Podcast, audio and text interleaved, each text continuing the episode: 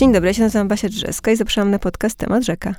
Dziś moją gościnią jest Janna Flis, psycholożka, psychoterapeutka i autorka książek, między innymi Madame Monday po dorosłemu, nowej książki wydawnictwa Gora. Dzień dobry.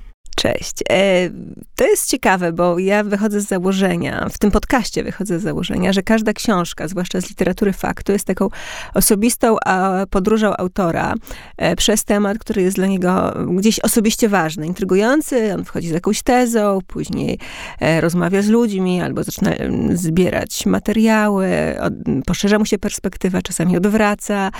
No i po jakimś czasie, kilku miesiącach, kilku latach wychodzi z, z jakąś bardzo potężną wiedzą, e, często odmieniony.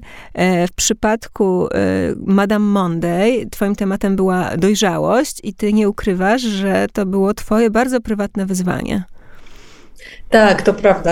Początkiem i podcastu, i książki było moje własne doświadczenie kryzysu, myślę sobie teraz, wieku średniego, a właściwie zbliżania się wielkimi krokami do magicznego przekroczenia progu lat 40, zmagania się może nawet nie z tym, że ten wiek już jest przede mną, ale z tym, co sobie myślę o drugiej połowie życia, jakie mam przekonania na ten temat, jakie mam wyobrażenia na temat tego, co przede mną. Bardzo mi się to nie podobało, bardzo się tego bałam e, i między innymi to był powód, dla którego się po prostu tym tematem zajęłam i sobą zaopiekowałam przy okazji, zapraszając do tego różnych słuchaczy. To powiedz, jak wyobrażałeś sobie tą dojrzałość? Co w niej było takiego przerażającego? No ja sobie wyobrażałam jako taki szczególny stan w życiu, w którym nie mamy dostępu do radości, nie mamy dostępu do witalności, w którym przychodzi nam właściwie e, zająć tylko pozycję bardzo poważnej, smutnej, osoby, która jest rozgoryczona e, życiem i losem i tym, co to życie przynosi. Jakoś mi się też wydawało, że to samo się dzieje z naszą osobowością, co dzieje się z naszym ciałem, czyli ona podupada. I bardzo jestem wdzięczna sobie i dojrzałości, że wyszła mi naprze na, naprzeciw i że samej sobie wyszłam naprzeciw, bo, bo teraz już wiem, że jest zupełnie odwrotnie i że natura nie jest dla nas aż taka brutalna, że coś tam nam odbiera e, z tego ciała po to, żeby nam coś dać w naszym umyśle. Opisujesz taką scenę, e, wakacje nad morzem, plaża i grupa dojrzałych osób, często z dziećmi, a często już rozwiedzionych, takich ludzi, którzy przez krótki urlop, tygodniowy, dwutygodniowy, próbują nadrobić wszystko to, czego nie mają na co dzień, więc romansują, upijają się, starają się bawić, ale zupełnie im to nie wychodzi i na tle e, lekkich dwudziestolatków i nastolatków są, mm, no już już, już są po drugiej stronie, są niezdarni e, i w jakiś sposób żałośni. To był taki obraz, który napawał cię przerażeniem. Tak, ja mieszkam nad Polskim Morzem i kocham polskie morze, e, ale też e, moje wspomnienia z wakacji na plaży właśnie obejmują również te grupy alkoholizujących się, dojrzałych już dorosłych, którzy trochę w takiej jakby rozpaczy, a trochę w pewnej swojej takiej żałosności, choć nie chciałabym oceniać tego, jak ktoś spędza czas, no każdy ma prawo po swojemu, ale mnie ten obraz przerażał. Myślałam sobie, że naprawdę to jest to, do czego my się zbliżamy, to, to, to właśnie po to my się uczymy, rozwijamy, zdobywamy mądrość życiową, żeby potem w rozpaczy wypijać hektolitry alkoholu na plaży, żeby przez moment poczuć, że jeszcze żyję. Jakoś zupełnie mi się to nie mieściło ani w głowie, ani w sercu. Czyli to, co wiąże się z młodością, to jest spontaniczność, atrakcyjność fizyczna, e, lekkość życia, też egoizm, który pozwala myśleć o sobie i patrzeć na sobie, e, na siebie głównie i kierować się głównie swoimi potrzebami i zachciankami. Co, co jeszcze jest taką domeną młodości, której podąż, po, pożądamy? Wiesz co, no wydaje mi się, że jesteśmy przekonani, że młodzi ludzie są bardziej autentyczni w swoich wyborach, w tym jak patrzą na rzeczywistość, że są bliżej siebie. Kiedy ja pytam moich pacjentów, moje pacjentki, osoby, z którymi się spotykam, na przykład jak się bawisz, co lubisz robić, to często te osoby mówią, no czekaj, muszę sobie przypomnieć, co robiłam jako dziecko, bo, bo tam byłam bliżej siebie, albo mhm. co mi wtedy sprawiało radość, bo wtedy miałam dostęp do do właśnie tej radości i do pełni, więc wydaje nam się, zupełnie to nie jest prawdziwe, teraz już to wiem, ale wydaje nam się, że młodzi są bardziej autentyczni, że mają też w sobie większe po, po, po, pokłady jakiejś nadziei i optymizmu wobec świata, i zupełnie nie zauważamy, że my też możemy po tę pogodę ducha i, i optymizm i nadzieję sięgać, tylko już na trochę innych, bardziej dojrzałych zasadach. Ja myślę, że my po prostu też tęsknimy za wolnością, która e, wydaje nam się być domeną młodości i zupełnie tracimy z oczu, że wolność, taka prawdziwa wolność, dla mnie nie wiem jak, jak, dla, jak dla ciebie i dla słuchaczy, ale jest synonimem samokontroli, czyli, czyli kiedy ja już potrafię sobą zarządzać i potrafię siebie rozumieć i dokładnie zaprowadzić siebie tam, gdzie chcę iść, to wtedy jestem wolna. I jak nie potrafimy tego robić, to tęsknimy za taką wolnością dziecka, które czuje, że jeszcze wszystko jest przed nim i jeszcze wszystko może odkryć i jeszcze wszystkie pytania świata może sobie zadać. Tylko kto nam powiedział, że my w dojrzałości nie możemy zadawać sobie kolejnych pytań na swój własny temat i na temat świata? Bardzo jasno zaznaczę, że młodość jest niezbędna dla rozwoju, że to jest taki etap śmiałego wchodzenia w rzeczywistość, trochę nierozważnego, trochę nieświadomego, po to, żeby smakować, rozglądać się, poznawać, odkrywać siebie, definiować różne rzeczy w życiu. No ale on się musi skończyć. To znaczy, do takiego systematycznego wzrostu, budowania potrzebna jest dojrzałość. I ta dojrzałość jest potrzebna jakby i w indywidualnych życiach e, konkretnych ludzi, e, również twoim, jak i całego tak. społeczeństwa, że młodzi ludzie są rewolucjonistami, e, świeżym powiewem zmian, ale tak naprawdę to ta starszyzna podejmuje odpowiedzialne zasady e, i kieruje czymś takim jak państwo i jakby to jest nie, nieuniknione i też w pewien sposób wspaniałe.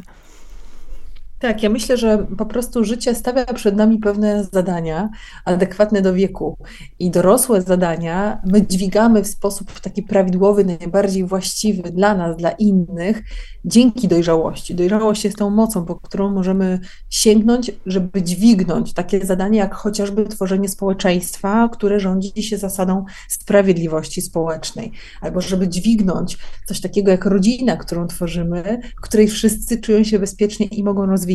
Młodzi ludzie mają inne zadania do dźwigania i do tego im służy ich y, młodzieńczość, świeżość i właśnie ta zdolność do buntowania się wobec zastanego porządku. My mamy inne zadania przed sobą. I bardzo nam się życie komplikuje, kiedy próbujemy zadania dorosłości rozwiązywać używając narzędzi infantylności albo A narzędzi podaj przykład. No, na przykład wtedy, kiedy próbujemy poradzić sobie z nudą w pracy i monotonią, która nam się przytrafia w życiu, rzucając wszystko i, i uciekając w przysłowiowe Bieszczady bez sprawdzania, czy mamy ochotę w tych Bieszczadach żyć, czy dobrze innym z nami będzie w tych Bieszczadach. Takim najbardziej życiowym przykładem są osoby, które impulsywnie zmieniają swoje życie pod wpływem pewnej niewygody, na przykład rzucają pracę właśnie albo zmieniają miejsce zamieszkania, licząc na to, że jak zaczną od nowa, to nie będą musieli zadania, nudy i monotonii w życiu rozwiązać właśnie dojrzałością. Znam bardzo dużo osób, które skaczą na główkę z wysokości, nie sprawdzając, czy mają grunt.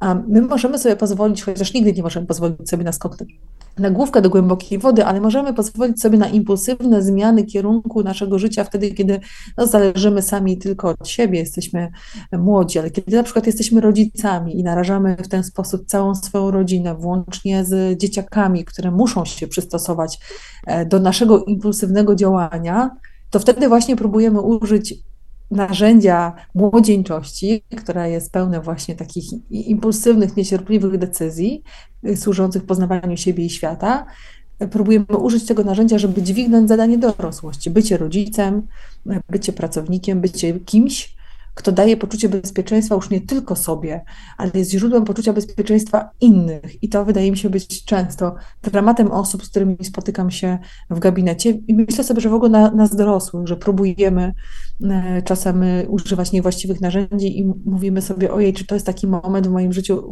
teraz muszę być taki bardzo, bardzo odpowiedzialny, a ja nie mam na to ochoty, ja bym chciał być mhm. wolny, ja bym chciał być spontaniczny. I nagle się okazuje, że no to nie jest już możliwe, bo jesteś już na przykład rodzicem albo masz pod opieką własnych starzejących się rodzicom, rodziców.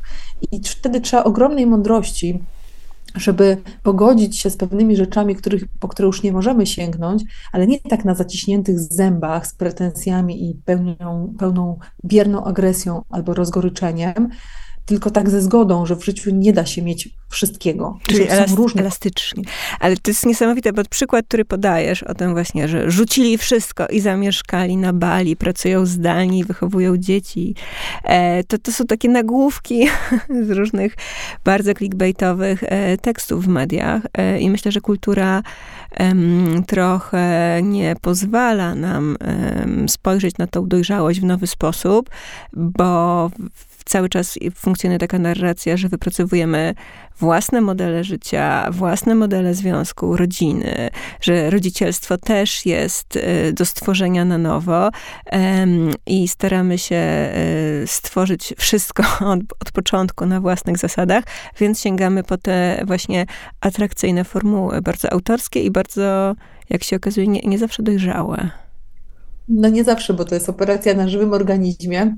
No i nie zawsze ucieczka, rzucenie wszystkiego, ucieczka albo zaczęcie od nowa jest e, tym rozwiązaniem, które pozwala nam się rozwijać, bo jak popatrzymy, jak Erikson stworzył dla nas zadania rozwojowe, on opisał dla nas zadania rozwojowe, właściwie nie stworzył, natura je stworzyła, ale on je opisał, to on zauważył, że tak do 40 mamy bardzo, bardzo dużo różnych zadań po drodze do wykonania. Musimy się nauczyć chodzić, współdziałać z innymi, być e, aktywnym e, twórcą rzeczywistości społecznej, być w relacji, ale jednocześnie zachować własną indywidualność i autonomię.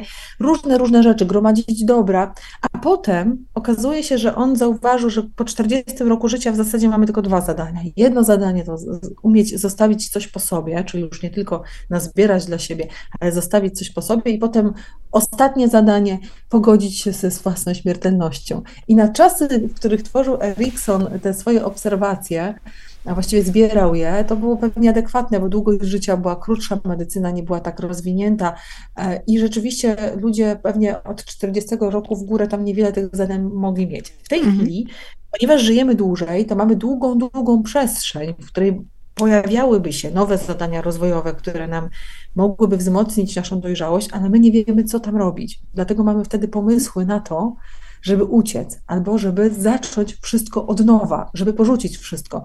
Ja nie jestem fanką takiego myślenia o życiu, że chodzi o to, żeby wciąż powtarzać jak w dniu świstaka nowy początek. Mm-hmm. Ja myślę, że człowiek rozwija się wtedy, kiedy ma umiejętność wyciągania wniosków z tego, co mu się już przytrafiło, z tej biografii, która już jest częścią jego opowieści o sobie i kontynuowania dalej, czyli zadawania sobie pytania, to co dalej, to jak bardziej, jak mogę się rozwijać, to do czego ja mogę wykorzystać tę umiejętność. A my jakoś boimy się, bo, bo myślę sobie, że nie mamy jeszcze też kulturowych y, wzorców takich y, utartych, jak spędzać drugą połowę życia. Jest mało miejsc, w których możemy po, poczytać, jakie scenariusze na życie może mieć osoba, która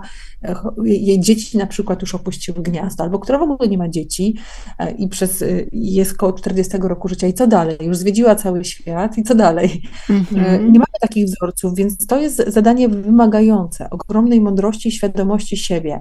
I można je rozwiązać właśnie sięgając po mądrość i świadomość, a można uciec i wtedy zacząć wszystko od nowa, zanegować wszystko to, kim byliśmy dotychczas, oszukać samego siebie, że jeszcze siebie samego nie odkryliśmy, tylko to wszystko jeszcze przed nami, czy trochę wrócić się do zadania 18-latka albo 20-latka i spróbować przeżyć życie raz jeszcze. Ale ja nie jestem przekonana, e, czy to jest właściwa droga, ale też mogę się mylić. No właśnie, bo swoje poszukiwania i projekt pisania książki zaczynasz bardzo metodycznie. Styczeń 2023 roku podcast, który prowadzisz już od roku, zaczyna mm, traktować jako narzędzie do rozmów o dorosłości czytasz literaturę fachową, e, masz swoje przemyślenia, który, z którymi dzielisz się ze swoimi słuchaczami. Co poniedziałek o 7 rano publikujesz, stąd też ta nazwa, odcinek swojego podcastu. Masz grupę zamkniętą swoich patronajtowych partnerów i, i, i słuchaczy, z którymi rozmawiasz e, o kolejnych aspektach i tak przez pół roku kształtuje ci się przekaz książki. Op- opowiedz tak. o tym procesie, jak on wyglądał, z czym się mierzyłaś? Dokładnie. Kiedy szukałam nowej konwencji na styczniowy początek roku, to pomyślałam sobie, że to jest ten ostatni rok, który mnie dzieli do czterdziestki, że wychodzę z szafy ze swoimi lękami i zadaję publicznie pytanie o to, jak żyć. Jak żyć to jest też związane z tym, że moja córka, starsza córka, bo jestem mamą dwójki dzieci, poszła na studia. I poszła na studia e, rok, rok, wcześniej, natomiast ja dopiero rok później zorientowałam się, że to na serio. To znaczy, że ona na serio się wyprowadziła. Gniazdo pustoszeje. Tak, kiedy, kiedy pakowała walizki i wyjeżdżała, to myślałam sobie, no dobrze, my, my będziemy sobie tutaj się widywały teraz w takim razie w weekendy. Ja w międzyczasie się przeprowadzałam do innego domu, więc urządziłam jej pokój. W tej chwili ten pokój jest moim gabinetem. E, e, więc bardzo mi się urealniło, e, ale rok później się zorientowałam, że to na serio, że ona na serio już nie mieszka i że ja na serio mam częściowo puste gniazdo i że skończę lat 40, 40, że już zaczynam się zastanawiać, czy to pora na botoks. Niektórzy mówią, że już powinnam przynajmniej od 15 lat go używać. No, podobno za późno, tak. Tak, zaczynam się zastanawiać nad różnymi rzeczami. Mam większy kłopot z wysypianiem się. Zauważam, że jak nie pójdę spać przed 22, to, to dzień e, następny jest dla mnie bardzo trudny, więc zaczynam uprawiać sport, który mnie wzmacnia na różne sposoby i w końcu zwracać uwagę na to, co jem. Czyli dzieją się ze mną różne rzeczy książkowe, które dzieją się z osobami w kryzysie wieku średniego, ale też zaczynam się bać tego, jak wygląda e, starzenie się, e, co się będzie ze mną działo, czy, czy się na coś nie rozchoruje, to, to po co to wszystko w takim razie, jaki jest sens życia? I, i, i w zasadzie jak sobie poukładać też to, że widzę, że moi rodzice się starzeją. E, I zaczynam zadawać się pytania głośno i przyglądać się temu, to jak to jest być tą dorosłą osobą, bo mam też takie głębokie przekonanie, że mimo, że wychowałam dorosłą córkę, to nie wiem nadal, co to znaczy być, zachowuj się po dorosłemu, bądź dorosła, bądź mhm. dojrzała. I w ten sposób zbliżam się e, do tego pojęcia i zaczynam zadawać sobie pytania i, i słucham odpowiedzi słuchaczy i układa mi się. W międzyczasie zaczynam pisać książkę, bo, bo ilość ludzi, która mm, razem ze mną potrzebuje przybliżyć się do tego tematu, do tego zagadnienia, jest tak nieprawdopodobnie duża. Zaczynam dostawać mnóstwo maili, pytań, wiadomości o tym, że tak, że, że chcemy być już dorośli, że już koniec z dyktaturą wewnętrznego dziecka. Zresztą ta, ta, dyktatura wewnętrznego dziecka pojawia się już w mojej poprzedniej książce i, i tam wątki o tym, że jesteśmy niedojrzałym społeczeństwem w, w rozmowie z profesorem Sobierajskim już podejmuję. Tam się już zorientowałam, że dziecko wewnętrzne należy utulić, ale ono nie może rządzić moim życiem. Mm -hmm. Muszę mieć inną wewnętrzną postać, która decyduje w sprawach najważniejszych. I w ten sposób powstaje rzeczywiście książka, myślę, która nie wyczerpuje tematu, ale daje jakąś bazę. Bardzo mi zależało, żebyśmy, żebym i ja miała, i, i czytelnicy, i słuchacze, żebyśmy mieli jakąś bazę, jakiś punkt wyjścia, czyli ja zaczęłam od tego, żeby stworzyć konstrukt dojrzałości i zanurzyłam się w całą literaturę, jaką mogłam i potrafiłam i polskojęzyczną, i angielskojęzyczną. Okazało się, że na temat dojrzałości jest prawie nic w literaturze, że jest to temat tak przez wszystkich omijany szerokim łukiem i dla wielu tak nudny e, i przerażający, że nie wart uwagi. No bo jest między to młodością a starością, jest też taką wielką przerwą, prawda? Tak, tak. I, i, I, to mnie jeszcze bardziej zainspirowało. Pomyślałam sobie, no to sprawdźmy to, może to jest jednak jakaś super moc. I rzeczywiście jestem dużo bogatsza e, rok później i kiedy mówię, że chcę się zachować po dorosłemu, to, to teraz już wiem, o co mi chodzi. Mhm. W książce wyróżniasz takich pięć filarów, bo książka jest metodycznym podręcznikiem do stawania się dorosłą osobą. Piszesz o e, dojrzałości emocjonalnej, e, czyli na przykład umiejętność rozpoznawania swoich uczuć, wyrażania ich, zarządzania nimi. Piszesz też o samoregulacji, która jest bardzo ważną umiejętnością. Piszesz o dojrzałości emocjonalnej jako drugim filarze e, i trzecim społecznej. Kolejne ważne aspekty to mądrość i elastyczność psychologiczna. Ja bym chciała z Tobą porozmawiać głównie o dojrzałości społecznej, bo wydaje mi się, że to jest taki temat, który trochę wychodzi poza e, historię indywidualnych osób, e, ich doświadczeń, charakterów i uwarunkowań e, i może zmienić się w taką e, rozmowę o nas jako grupie. I tutaj możemy mówić o społeczeństwie albo pokoleniu, można podstawić różne, różne rzeczy. Ty piszesz wprost, że mm, Polacy e, mają bardzo duży problem z dojrzałością jako naród. To jest ryzykowna teza. E, ryzykowna. Ryzykowna teza. Myślę sobie, że żeby się rozwinąć w dojrzałości, to pierwszym takim krokiem najważniejszym jest odkryć własną niedojrzałość. I, I, bardzo chciałabym odczarować też to słowo jestem niedojrzały, niedojrzała, czy jesteśmy niedojrzałym społeczeństwem, żeby to nie była etykieta, która służy do tego, żeby stygmatyzować kogokolwiek albo oceniać, tylko żeby to było słowo, które pokazuje nam jakiś punkt wyjścia, w którym jesteśmy. Czyli jeszcze mamy sporo do nauczenia się, jeszcze mamy sporo do zrobienia i też y, warto, żeby może powiedzieć, że wszyscy raczej jesteśmy niedojrzali i do dojrzałości zmierzamy, że jesteśmy w drodze. Jesteśmy w procesie dojrzewania. Tak, jesteśmy cały czas w procesie dojrzewania i ostatnim zadaniem zbliżającym nas do pełni dojrzałości jest y, odejście z tego świata, więc myślę sobie, że mamy całe życie na to, żeby się e, rozwinąć i być może to jest jedno z najtrudniejszych zadań, najbardziej dorosłych zadań, do których użyjemy naszej dojrzałości, do którego użyjemy naszej dojrzałości, żeby się z nim pogodzić, z tym, że wszystko się kiedyś kończy i mija. Natomiast wszyscy jesteśmy w jakiejś, jakiejś drodze i myślę, że jako, jako społeczeństwo szczególnie też dlatego, że my ulegamy pewnym wpływom społecznym albo takim standardom społecznym, e, wtedy, kiedy mamy taki dowód społeczny, dowód słuszności, czy jednak ta grupa na nas mocno, mocno wpływa.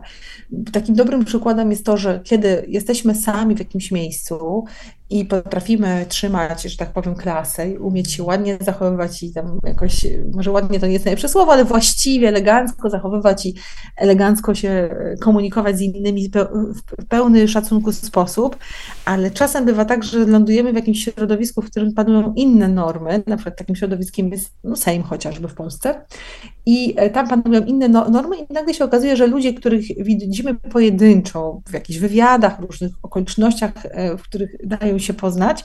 Ludzie, którzy są pełni klasy, mądrości, nagle na tej jednej sali zaczynają się wspólnie z innymi zachowywać, jakby byli w piaskownicy. W sposób bardzo niewłaściwy. I dlatego my czasami społecznie jesteśmy jeszcze mniej dojrzali niż sami członkowie tego społeczeństwa, dlatego że brakuje nam wzorców. Tak, w grupie niestety bardzo mocno modelujemy, a żyjemy w kulturze konsumeryzmu, żyjemy w kulturze takiego antropocentryzmu, egocentryzmu i niestety to są wzorce, które będą nas stymulowały do tego, żeby zachowywać się niedojrzale. Wystarczy przed świętami pójść do supermarketu i e, z pustym koszykiem i wyjść z pełnym koszykiem, e, nagle zauważając, że wydaliśmy więcej e, kasy niż zaplanowaliśmy tylko dlatego, że cała reszta również to robiła. I dlatego moją, moją książkę rozpoczynam takim cytatem z kryzysu cywilizacji, że, dzieci, że dziecinnością odznacza się taka postawa społeczeństwa, które zachowuje się o wiele bardziej infantylnie niż pozwala na to poziom jego mądrości, czyli mamy pewną mądrość, mamy pewną wiedzę, mamy pewne reguły, zasady, standardy zachowania, mamy ludzi, którzy e, w wielu okolicznościach potrafią zachowywać się dojrzale, a jednak wspólnie, w tej wspólnocie e, no, często sięgamy po zachowania infantylne, niedojrzałe, krzywdzące.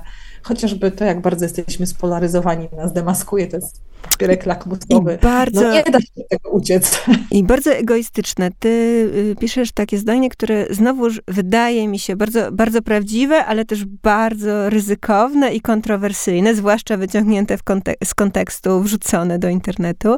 A mianowicie piszesz o tym, że dojrzałość to jest taki etap w życiu, w którym można za cel przyjąć życie dla innej osoby i że e, relacyjność e, jest wartością dojrzałości, że to to jest jedna z dróg spełnienia.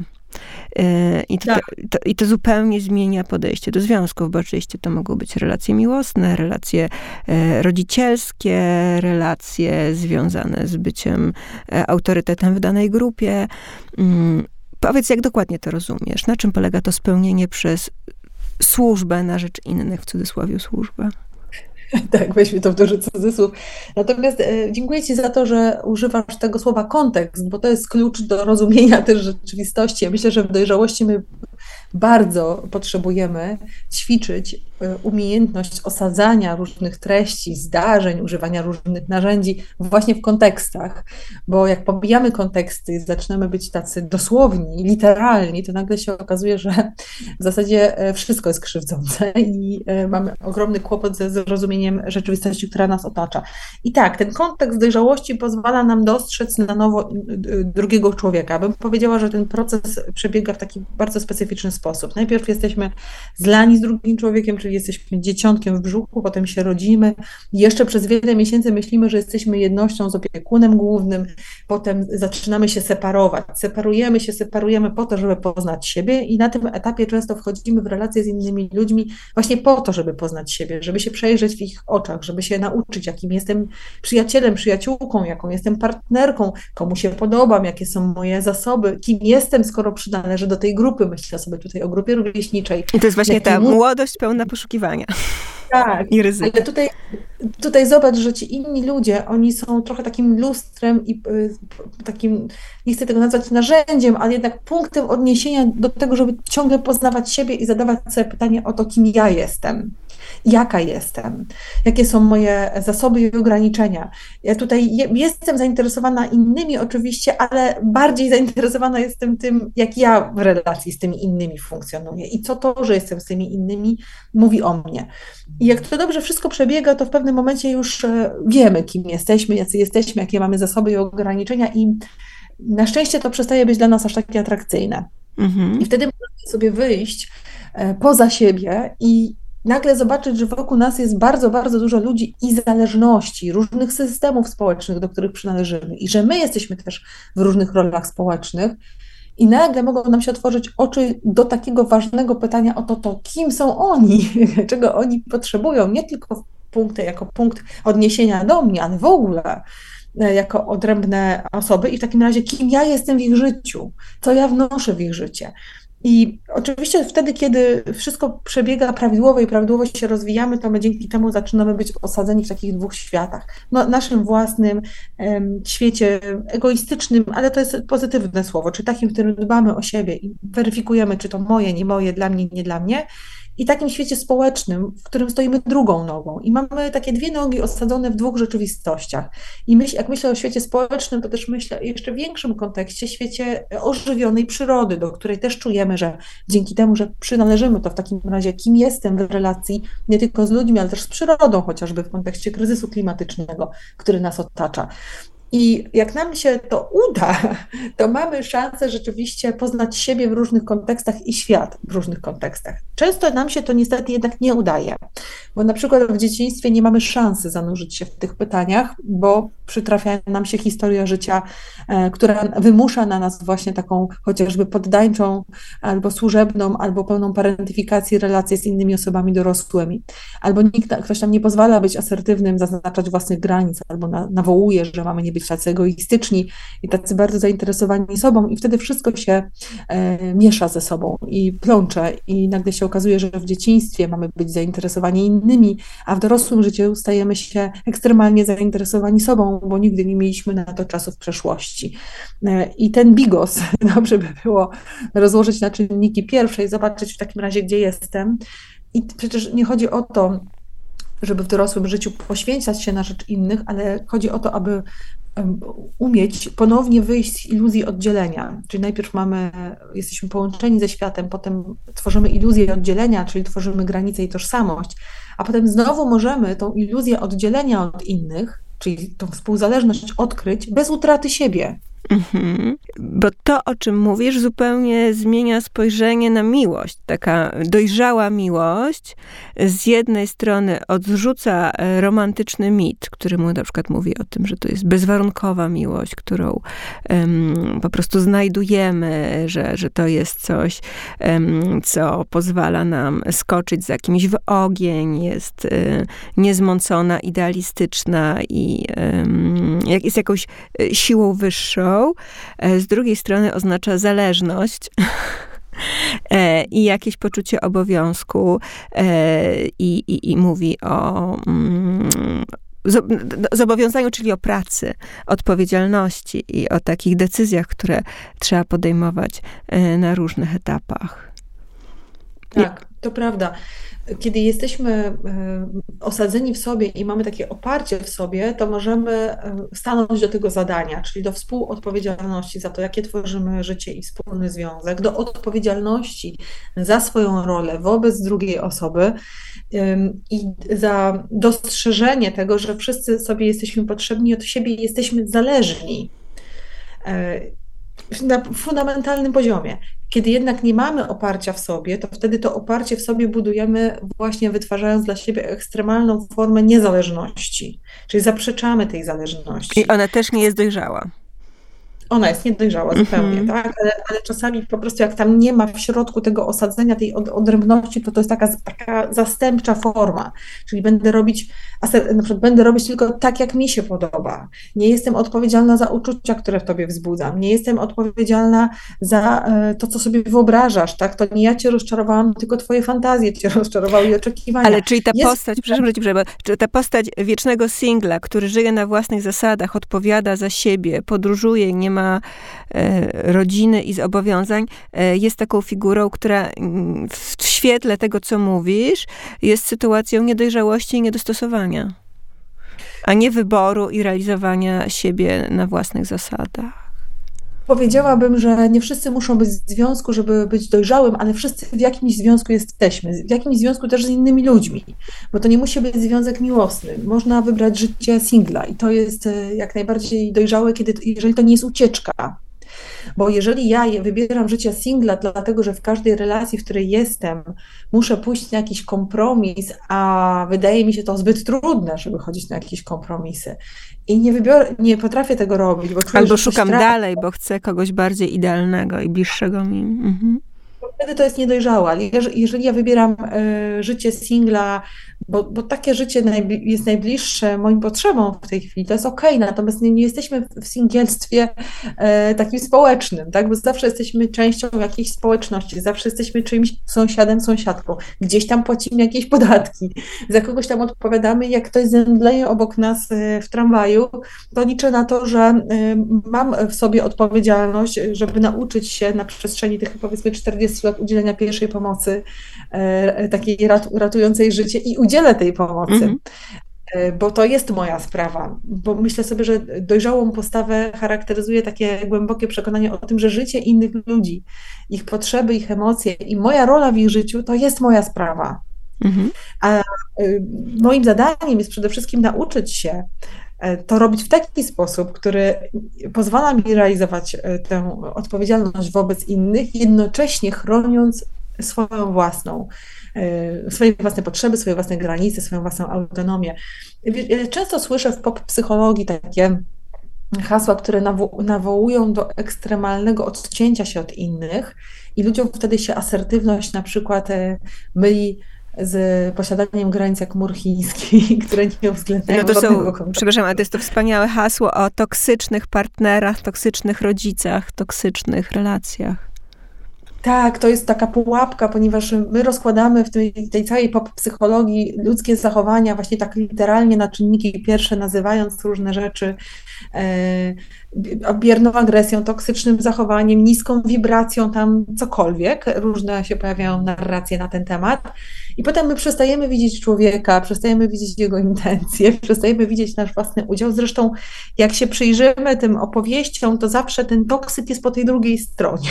I to mnie zawsze zaskakuje, bo statystycznie to jest niemożliwe. To znaczy, najprawdopodobniej y, my się równie często zachowujemy toksycznie, jak ludzie, którzy nam tą toksyczność wytwarzają. I moja, pierwsza książka, którą napisałam, była o współuzależnieniu, i wiesz, mówię o tym po to, żeby też pokazać, że mówię o tym z pełną świadomością, że bywają relacje, w których doświadczamy przemocy, albo sytuacje tak ekstremalne, jak uzależnienie partnera czy partnerki, z których trzeba uciekać i w których mhm. trzeba się chronić.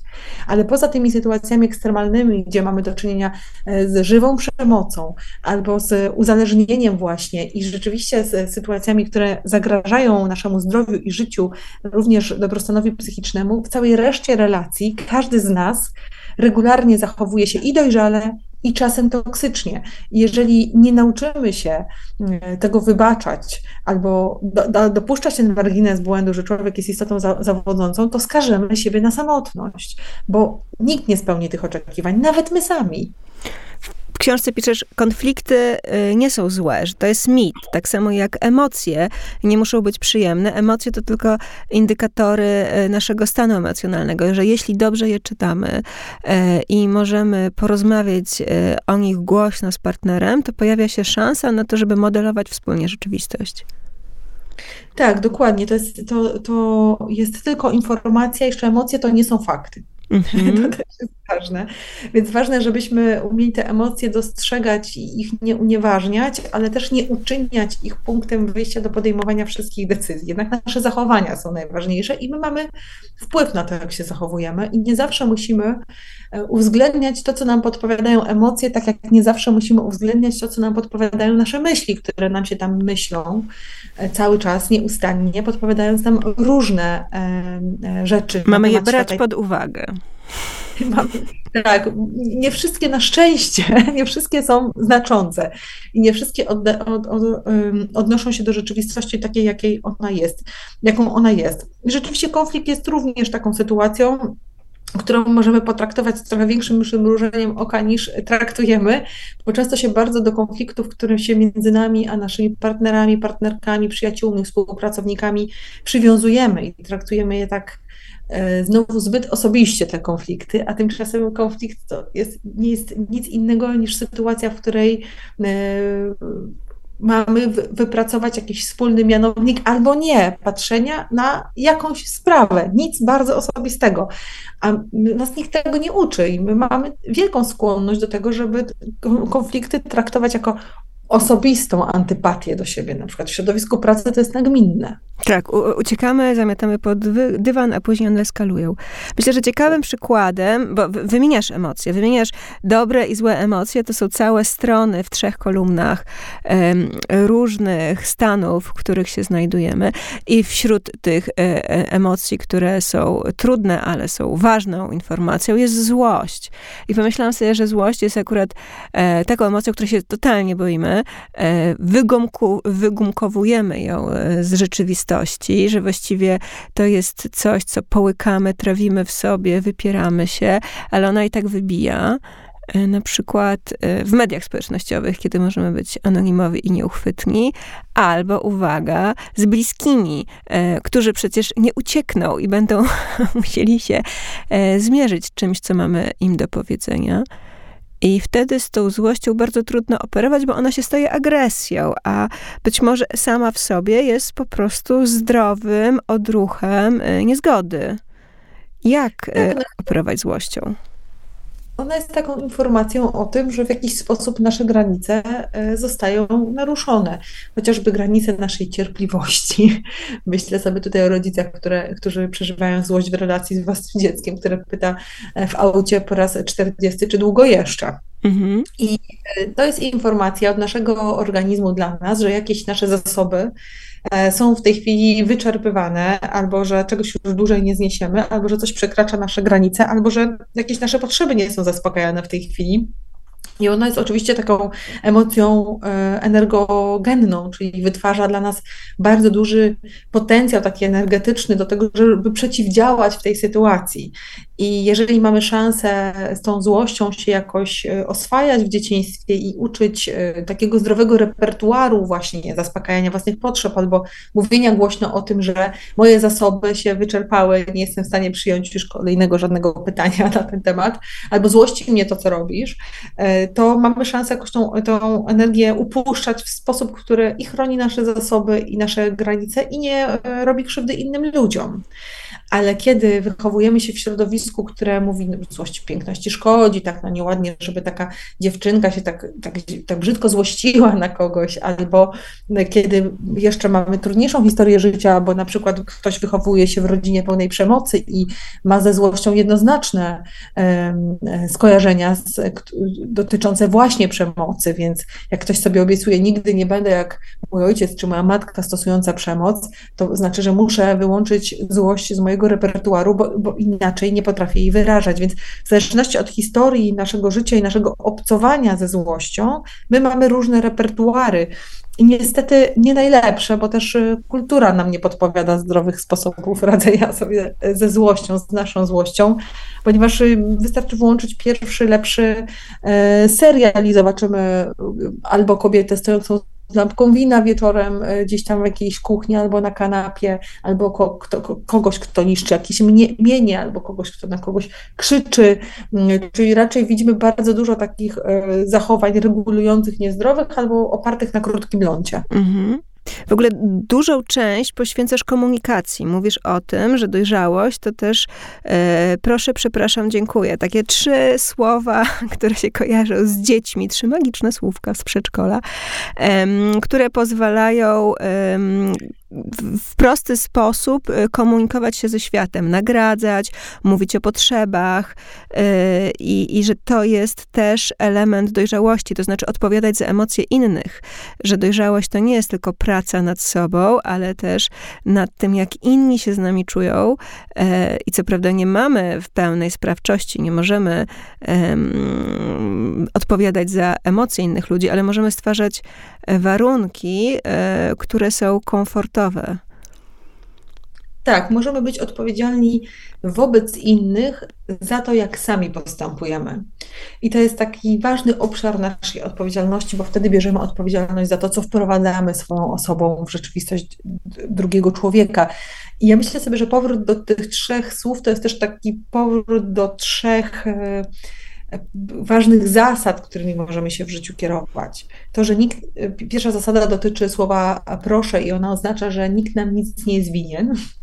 I to wcale nie jest takie oczywiste dla e, mieszkańca naszej szerokości geograficznej, dlatego że jesteśmy dość roszczeniowi e, i często czujemy, że inni nam są coś winni, państwo jest nam coś winne, rodzice są nam coś winni, partnerzy, partnerki nam są coś winni, a na końcu dzieci wdzięczność e, są nam winne za wiek i opierunek. Więc to jest pierwsza zasada, że nikt nam nic nie jest winien.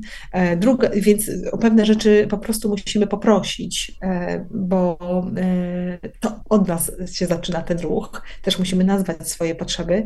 E, dziękuję to jest coś, co e, wprowadza taką zasadę, że jeżeli ktoś nam coś ofiaruje i daje, to to jest akt szczodrości. I my generujemy wdzięczność, ale nie taką wdzięczność, która oznacza dług wdzięczności przez następnych 20 lat do banku przysług, który, który gdzieś istnieje, tylko taką wdzięczność e, widzę, dostrzegam, że po Twojej stronie pojawił się akt szczerości, e, doceniam to i na tym się kończy wymiana między nami. E, to podziękowanie powinno zamknąć sprawę. Nie jesteśmy nikomu nic winni w zamian za udzielenie pomocy. Ten świat jest skonstruowany trochę inaczej, po prostu mamy szansę puścić łańcuszek dalej i jak ktoś będzie potrzebował nas, to wtedy my być może tą szczodrością się wykażemy. I przepraszam, to jest kolejna zasada związana z dostrzeganiem tego, że my też innym czynimy, czynimy krzywdę świadomie, a najczęściej nieświadomie, ale wzięciem odpowiedzialności za to, co innym uczyniamy. I mimo, że uczą nas e, od przedszkola w dzieciństwie tych trzech prostych, magicznych słów, to mam takie wrażenie, że e, im jesteśmy starsi, tym trudniej przechodzą nas, nam przez gardła. I jestem przekonana, że już nie same te słowa, ale te zasady, e, którymi rządzi się świat, bo raczej wolelibyśmy żyć w takim świecie, w którym e, kiedy nam się coś, kiedy czegoś chcemy, to nam się to po prostu należy od innych. Kiedy ktoś dla nas coś robi, to miał w tym swoją radość, e, a kiedy my coś robimy, to należy nam się dowdzięczyć i jesteśmy oczywiście bez waty, więc nie, za nic nie musimy przepraszać. I to byłby bardzo wygodny świat, ale świat jest skonstruowany inaczej, e, więc warto wracać do tych trzech słów po prostu, żeby sobie przypominać, e, jakie są reguły społeczne. Te roszczeniowe postawy właśnie niemego oczekiwania, e, naginania zasad, które stosujemy do innych ludzi, którzy są dalej, a często właśnie są jakimś przemocowym przesunięciem. Stosujemy najczęściej do rodzin, do bliskich, a ty piszesz, y, że rodzina nie jest wieczna y, i relacje nie, nie muszą być trwałe, w domyśle, więc trzeba nad nimi pracować. E, I y, dojrzałość polega na tym, że w każdym momencie życia musimy być gotowi na to, żeby żyć w pojedynkę, bo ktoś może odejść z własnej woli, ktoś może umrzeć, e, ktoś może się zakochać e, i nasza odpowiedzialność za siebie, ale również za innych, którzy są od nas zależni, bo jakby istotą dojrzałości jest właśnie ta relacyjność, e, no jest e, szukanie oparcia w sobie i taka mm, trwałość, stabilność. To brzmi jak najtrudniejsza rzecz na świecie. Myślę, że tak. Myślę, że to jest dla e, wielu osób bardzo trudne. Czasami moje pacjentki, bo myślę, że my kobieci, kobiety tutaj mamy trochę większe oczekiwania, choć nie zawsze, ale e, moje pacjentki często w zasadzie przekonują mnie do tego, żebym im obiecała, że świat społeczny jest miejscem bardzo bezpiecznym ze względu na stałość ludzi w ich życiu.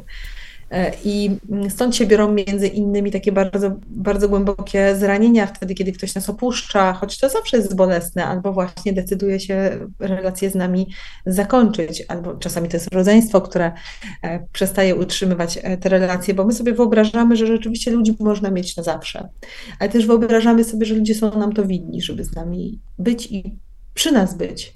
E, na zawsze i bardzo często traktujemy mm, odejście jako osobiste porzucenie, odrzucenie, zanegowanie nas. Ja, też rozumiem, że trochę pewnie w nas pracuje historia naszego gatunku, ponieważ kiedyś opuszczenie oznaczało śmierć, wyrzucenie za granicę wioski oznaczało śmierć, więc odrzucenie przez całą społeczność e, wiązała się po prostu z no, śmiercią, utratą życia. W tej chwili jest trochę inaczej, natomiast to jest bardzo, bardzo ważne, żeby zobaczyć, że ludzie rzeczywiście są wolni i ta wolność to też wolność, która po, po, daje prawo drugiej osobie do odejścia od nas. I to nie jest najczęściej wymierzone przeciwko nam, ani o nas. To jest po prostu o potrzebach tej osoby, które się zmieniają na przestrzeni życia. Ja wiem, że do tego trzeba ogromnej odwagi i dojrzałości, żeby to zaakceptować i żeby wyjść trochę poza własne zranienie, własne oczekiwania albo własne fantazje o tym, jak będzie wyglądało moje życie i żeby powiedzieć komuś dziękuję Ci za wspólny czas, trzymam za Ciebie kciuki dalej. Mm-hmm. Nawet jeśli tego nie będzie Chyba rodzina patchworkowa jest takim e, obrazem tego, jak można starać się zlepiać różne życiorysy na nowo i e, to jest przykład tego, że niektórym się udaje, a innym zupełnie nie. Tak, nie zawsze tym rodzinom patchworkowym się to udaje, bo my do tych rodzin patchworkowych e, wnosimy trochę bagaże z przeszłości i niestety czasami wnosimy niezakończone konflikty. E, konflikty takie wynikające z totalnych wojen rozwodowych, które w Polsce wcale nie są takie rzadkie, czy właśnie jakieś nieprzepracowane doświadczenia z poprzednich relacji. Często też żyjemy na zakładkę, czyli z jednej, z jednej relacji do drugiej i wtedy nie ma szansy nam się poukładać to doświadczenie bycia w relacji z drugą osobą, a nawet nie ma szansy szansy odbyć się ta pewna żałoba po utracie tej relacji, nawet wtedy, kiedy sami z niej wyszliśmy. Więc patchworki o tyle są e, trudniejsze, bo czasami się odbywają zbyt szybko, na takim przyspieszonym tempie, tak jak niektórzy przyspieszają sobie podcast, żeby szybciej mm -hmm. przesłuchać. E, I to nie, prac, nie pracuje w właściwy sposób i nie służy po prostu tym patchworkom. Patchworki być może wymagają też dłuższego czasu do zbudowania więzi pomiędzy wszystkimi członkami tej nowej struktury. No tak, poczucie bezpieczeństwa sieci. jest tutaj. Tak, poczucie bezpieczeństwa tutaj jest ważne. Poza tym no nie mamy wzorców społecznych, e, kulturowych, takich e, wypracowanych standardów postępowania, bo o ile w rodzinach nuklearnych, no to kulturowo wiemy, jak to powinno wyglądać. Mamy receptę prawie na wszystko i w zasadzie w wielu wątkach e, literackich albo filmowych obserwowaliśmy właśnie takie rodziny. One były często przekłamane, te fantazje, natomiast one jednak były, tak? Czyli mogliśmy mhm. sobie wyobrazić. Rodziny patchworkowe nie mają jeszcze takich wzorców i dopiero się uczą od siebie nawzajem, ale też uczą się mówić głośno o tym, co przeżywają w obrębie rodziny patchworkowej, bo przez wiele, wiele lat, ponieważ rodziny patchworkowe były uznawane przez wiele lat za niewłaściwy, nieprawidłowy model rodziny, niektórzy nawet mówili, że patologiczny, jak wrócimy do lat 80. czy 90., to mówiło się, że rodzina rozbita, patologiczna, niewłaściwa, to ta, ten, ta niechęć do tego modelu rodziny, do tego modelu życia sprawiała, że osoby żyjące w tych modelach życia nie chciały przyznawać się do tego, że przeżywają jakieś uczucia e, nieprzyjemne w związku z byciem w, w tej rodzinie, czyli raczej nie było takiego publicznego, publicznej gotowości do mówienia o przeszkodach, jakie są w rodzinach patchworkowych. To tak jak kiedyś kobiety nie pozwalały sobie na głośne mówienie o tym, że rodzicielstwo jest wymagające i nie zawsze przyjemne. Tak. Jest im po prostu trudno i czasem chciałoby rzeczywiście tak jak mówiłyśmy na początku, rzucić wszystko i uciec Bieszczady na wiele, wiele tygodni.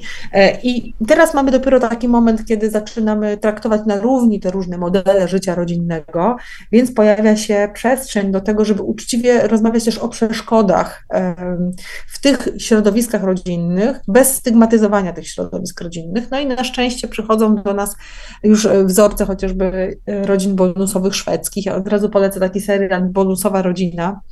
E, szwedzki serial o rodzinie patchworkowej. Mm, świetnie pokazane e, przeszkody, które się tam pojawiają, wyzwania, ale też sposoby na komunikację i też traktowania e, siebie w tych rodzinach patchworkowych, również byłych partnerów i partnerek.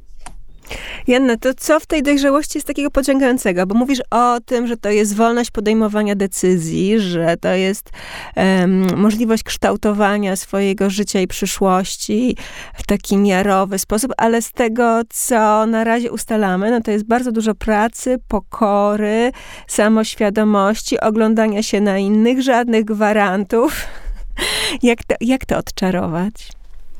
No właśnie, bo w zasadzie e, profesor de Barbaro, który blerbował książkę, powiedział, napisał coś takiego, że ta dojrzałość to trochę takie nie, niemodne elementy, jak duchowość, moralność, samotność, czyli raczej tutaj nie ma obietnicy, że będzie lekko, łatwo i przyjemnie. Dla mnie dojrzałość to znaczy szeroko, z różnych perspektyw, z pewną mądrością, i właśnie z umiejętnością zrozumienia kontekstów różnych sytuacji, łączenia też rzeczy niepołączalnych ze sobą, jak chociażby nauka i duchowość, nauka i wiara, tak? Czasami pewne rzeczy trudno jest połączyć, jak jednoczesna miłość do swojego dziecka i chęć ucie ucieczki w Bieszczady. To można ze sobą połączyć w jednym czymś zwanym życiem, w jednej biografii.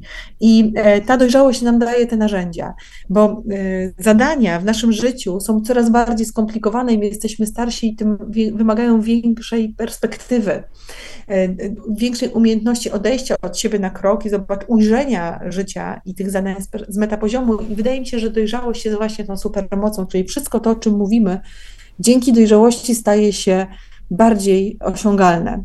E, I nie chcę powiedzieć łatwiejsze, ale staje się dostępne, staje się możliwe.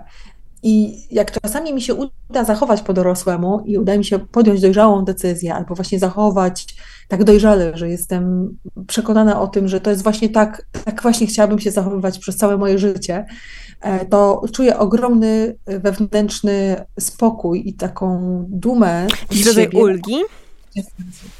Nie wiem nawet, czy to jest ulga, bo często te, te, te zachowania nie są ani automatyczne, ani bezrefleksyjne i wymagają wysiłku. Dla mnie to jest poczucie satysfakcji z tego, jaka jestem i kim jestem.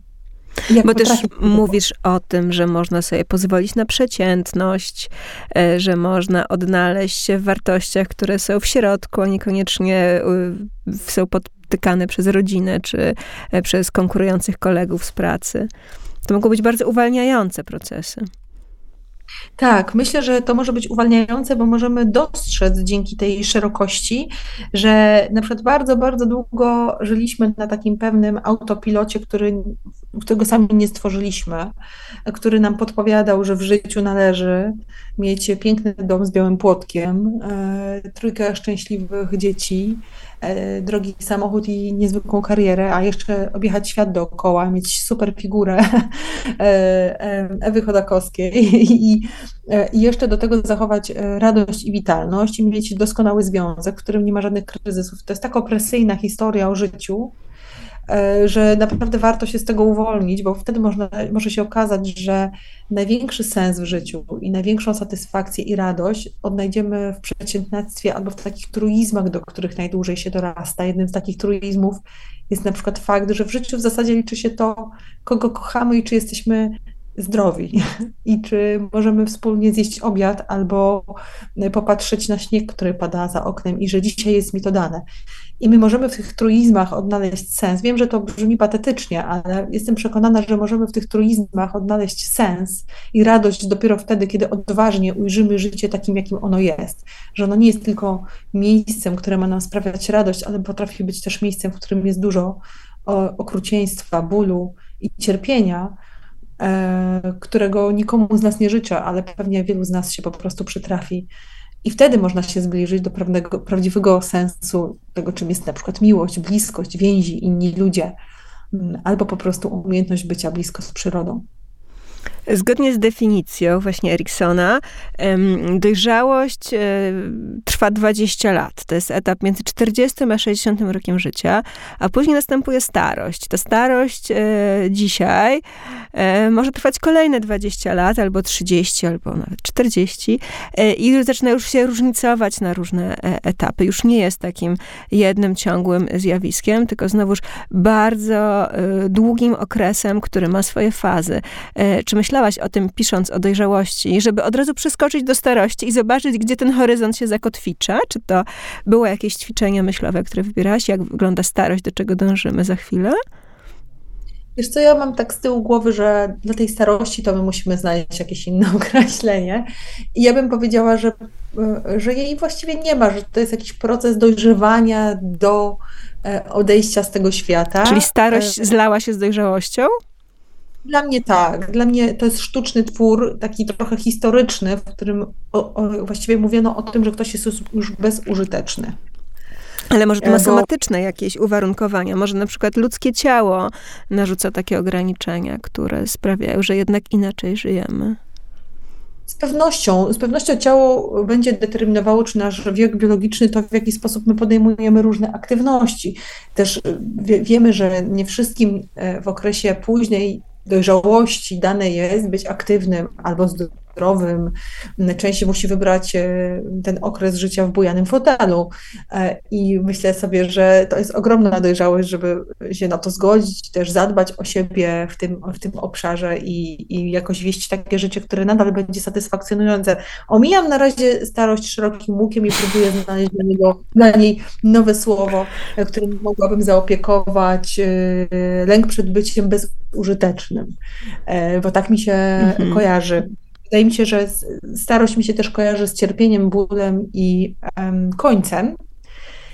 Bardzo głęboko, nie jestem osobą wierzącą, ale duchowość tutaj mi moja podpowiada, że, że to nie jest koniec. W związku z tym mam jakieś takie głębokie poczucie, że równocześnie ze starzejącym się ciałem nasze, nasze dusze po prostu dojrzewają i że trochę się mijamy, jak, jak w filmie e, o Benjaminie Batonie. No to jest bardzo ciekawa perspektywa. Dziękuję. Dziękuję wzajemnie.